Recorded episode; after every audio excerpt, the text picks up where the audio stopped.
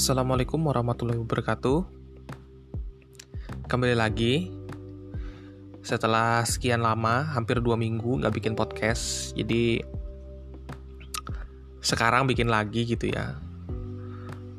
Jadi harapanku untuk semua pendengar supaya bisa menjaga kesehatannya, menjaga imunitas tubuhnya supaya tidak terkena wabah COVID-19 yang cukup mematikan.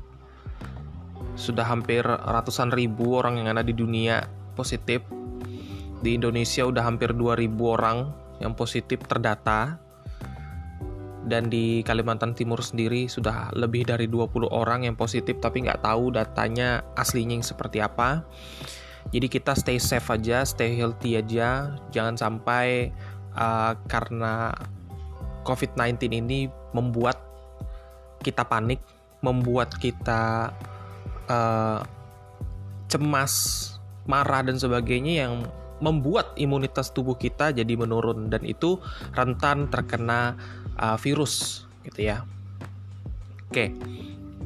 Jadi di tengah virus ini yang menyebabkan banyak kebijakan-kebijakan yang mau tidak mau ditiadakan atau diundur gitu ya termasuk dengan uh, kebijakan pemerintah untuk menyeleksi calon mahasiswa baru angkatan 2020 di mana mereka yang harusnya sudah bersiap ujian sekolah, ujian sekolah berstandar nasional, ujian nasional, akhirnya apa? Ujian nasional 2020 ditiadakan. Yang harusnya ditiadakan di 2021 tapi diundur bukan diundur, maksudnya dimajukan. Mohon maaf, dimajukan di 2020 ditiadakan.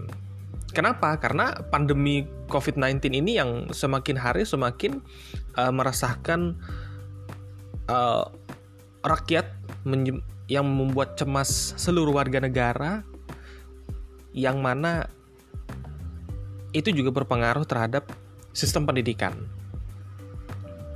Nah, Dari apa yang sudah aku pernah alami pada saat aku di kelas 3 SMA, di situ merupakan waktu-waktu yang sangat menentukan kita. Jadi kita sudah di penghujung diri kita untuk sekolah, di penghujung diri kita untuk menuntut ilmu, yang selanjutnya kita akan menentukan masing-masing dari kita, masing-masing dari kalian sebagai yang sekarang nih duduk di kelas 12, yang duduk di kelas 3, itu mulai itu harus menentukan. Gitu ya. Apakah Anda ingin melanjutkan ke perkuliahan? Apakah Anda ingin melanjutkan ke pekerjaan atau Anda hanya ingin bersenang-senang tanpa melakukan apa pun? Itu semua tergantung di diri Anda sendiri-sendiri. Saya tidak bisa menentukan masa depan Anda. Ya, orang-orang di sekitar Anda, bahkan orang tua Anda sendiri itu tidak bisa menentukan masa depan Anda seperti apa. Yang bisa menentukan adalah Anda sendiri. Apakah Anda mau atau tidak? Apakah Anda niat atau tidak niat? Apakah Anda ingin usaha atau tidak usaha? Banyak daripada teman-teman kita itu yang tidak bisa masuk universitas Kenapa? Karena nilai mereka tidak mencukupi. Baik itu nilai rapot mereka atau nilai ujian mereka pada saat masuk universitas. Berkali-kali mereka melakukan pengujian, berkali-kali mereka ikut tes, tapi ternyata tidak lulus-lulus. Nah, Anda yang sekarang duduk di universitas itu harusnya bangga. Itu harusnya lebih bisa mensyukuri keadaan Anda bahwa Anda termasuk orang yang terpilih. Nah, termasuk juga dengan yang sekarang lagi duduk di kelas 3 SMA atau SMK. Persiapkanlah diri Anda. Karena apa? Setelah lulus SMA, maka kehidupan yang baru, kehidupan yang lebih mencekam, kehidupan yang lebih tertantang, itu di depan mata. Kalau dulu masih sekolah, masalah penilaian masih di anul masih di uh, dimaafkan oleh gurunya dapat 50 tapi tahu-tahu naik jadi 70 misalnya. Tapi kalau di perkuliahan tidak semua seperti itu. Ya. Karena lingkungannya benar-benar lingkungan akademik. Benar-benar lingkungan uh, di mana orang-orang lebih bicara banyak tentang rasional. Bukan bantu-membantu. Nilai Anda 50, aslinya ya 50 dimasukkan ke dalam kartu hasil studi. Nilaimu 80, ya di dalam kartu hasil studi ya 80. Tidak bisa adanya pengurangan dan juga pelebihan daripada suatu nilai. Itu ya. Jadi kehidupan di perkuliahan itu tidak semudah dengan per, dengan kehidupan Anda pada saat masa sekolah. Kehidupan pekerjaan tidak semudah dengan Anda bersekolah. Makanya persiapkanlah diri Anda terutama mental. Karena mental itu sangat diperlukan bagi orang-orang yang sekarang uh, memiliki transisi dari remaja menuju ke dewasa.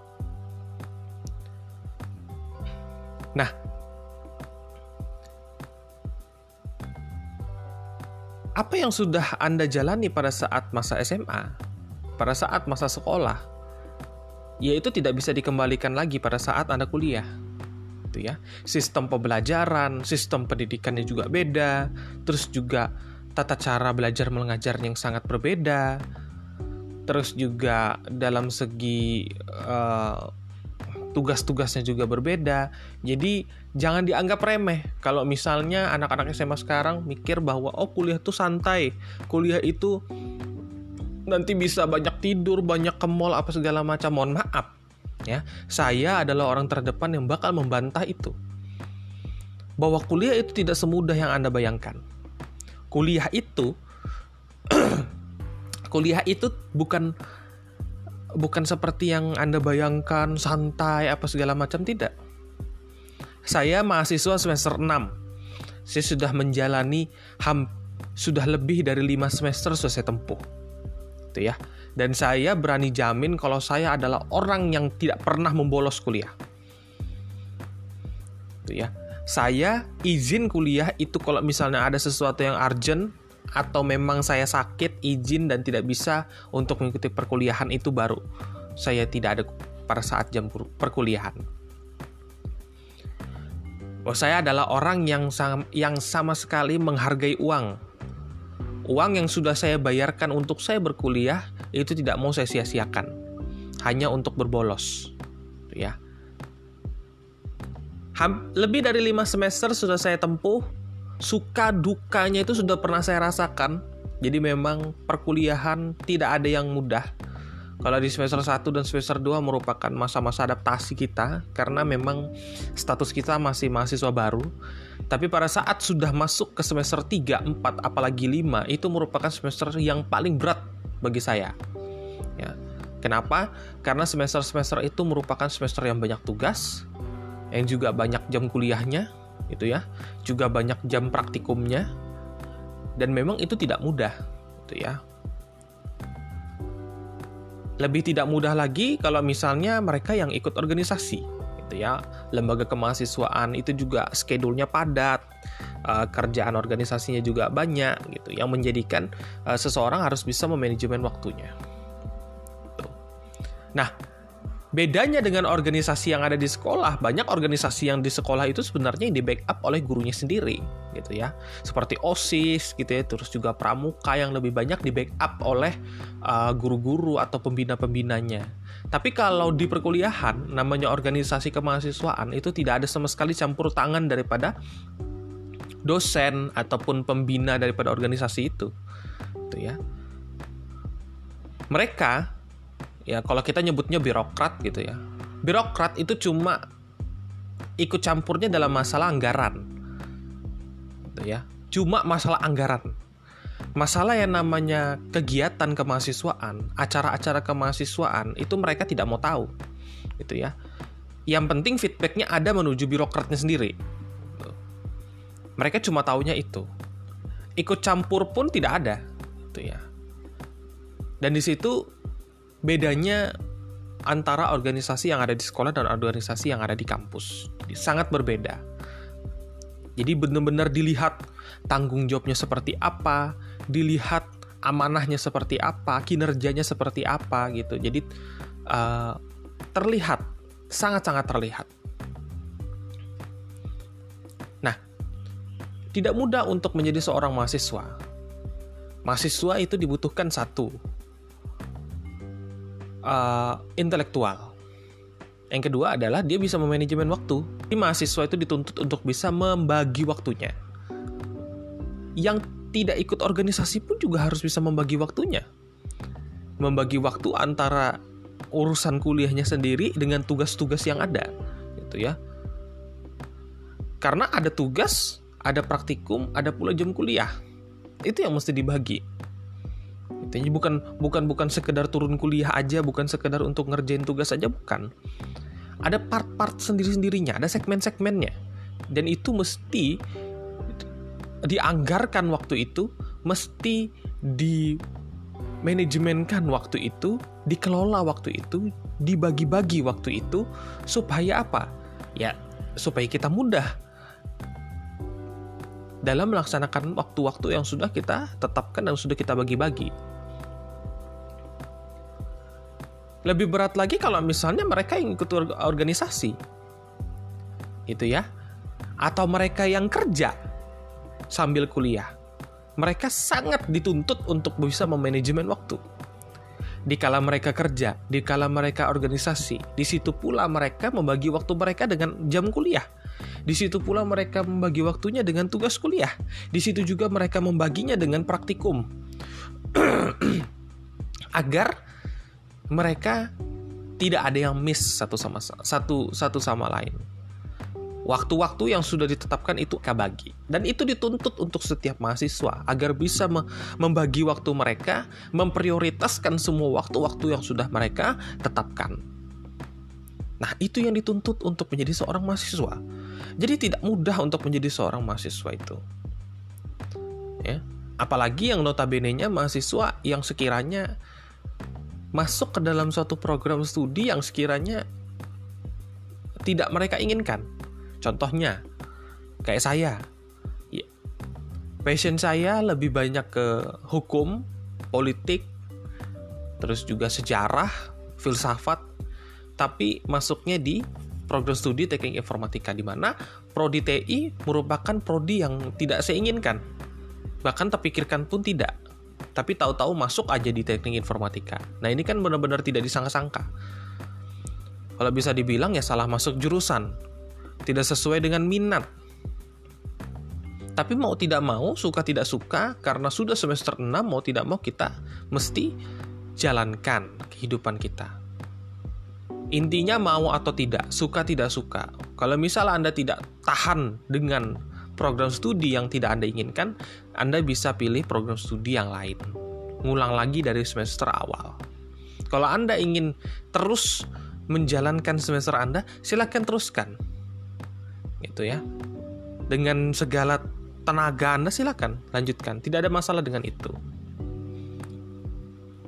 Jadi bagi Anda yang uh, sekiranya masih sekolah gitu ya gunakan waktu Anda sebaik-baiknya gitu ya.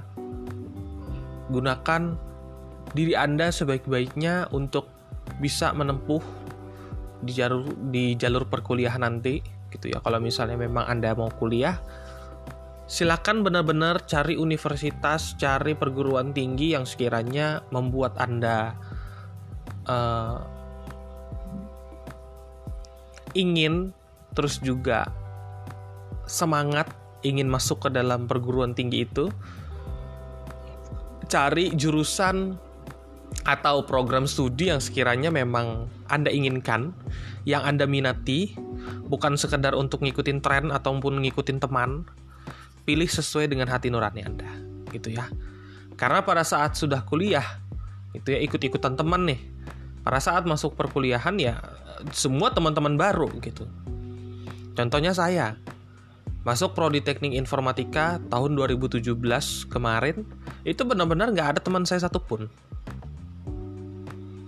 Tidak ada teman satu SMA, tidak ada teman satu kampung yang ada masuk sama-sama saya tidak ada.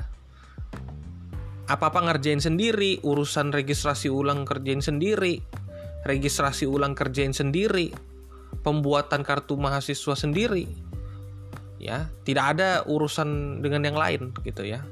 Tidak ada uh, bergerombolan dengan teman-teman lama atau uh, teman-teman sekolah dulu. Semua papa saya sendiri.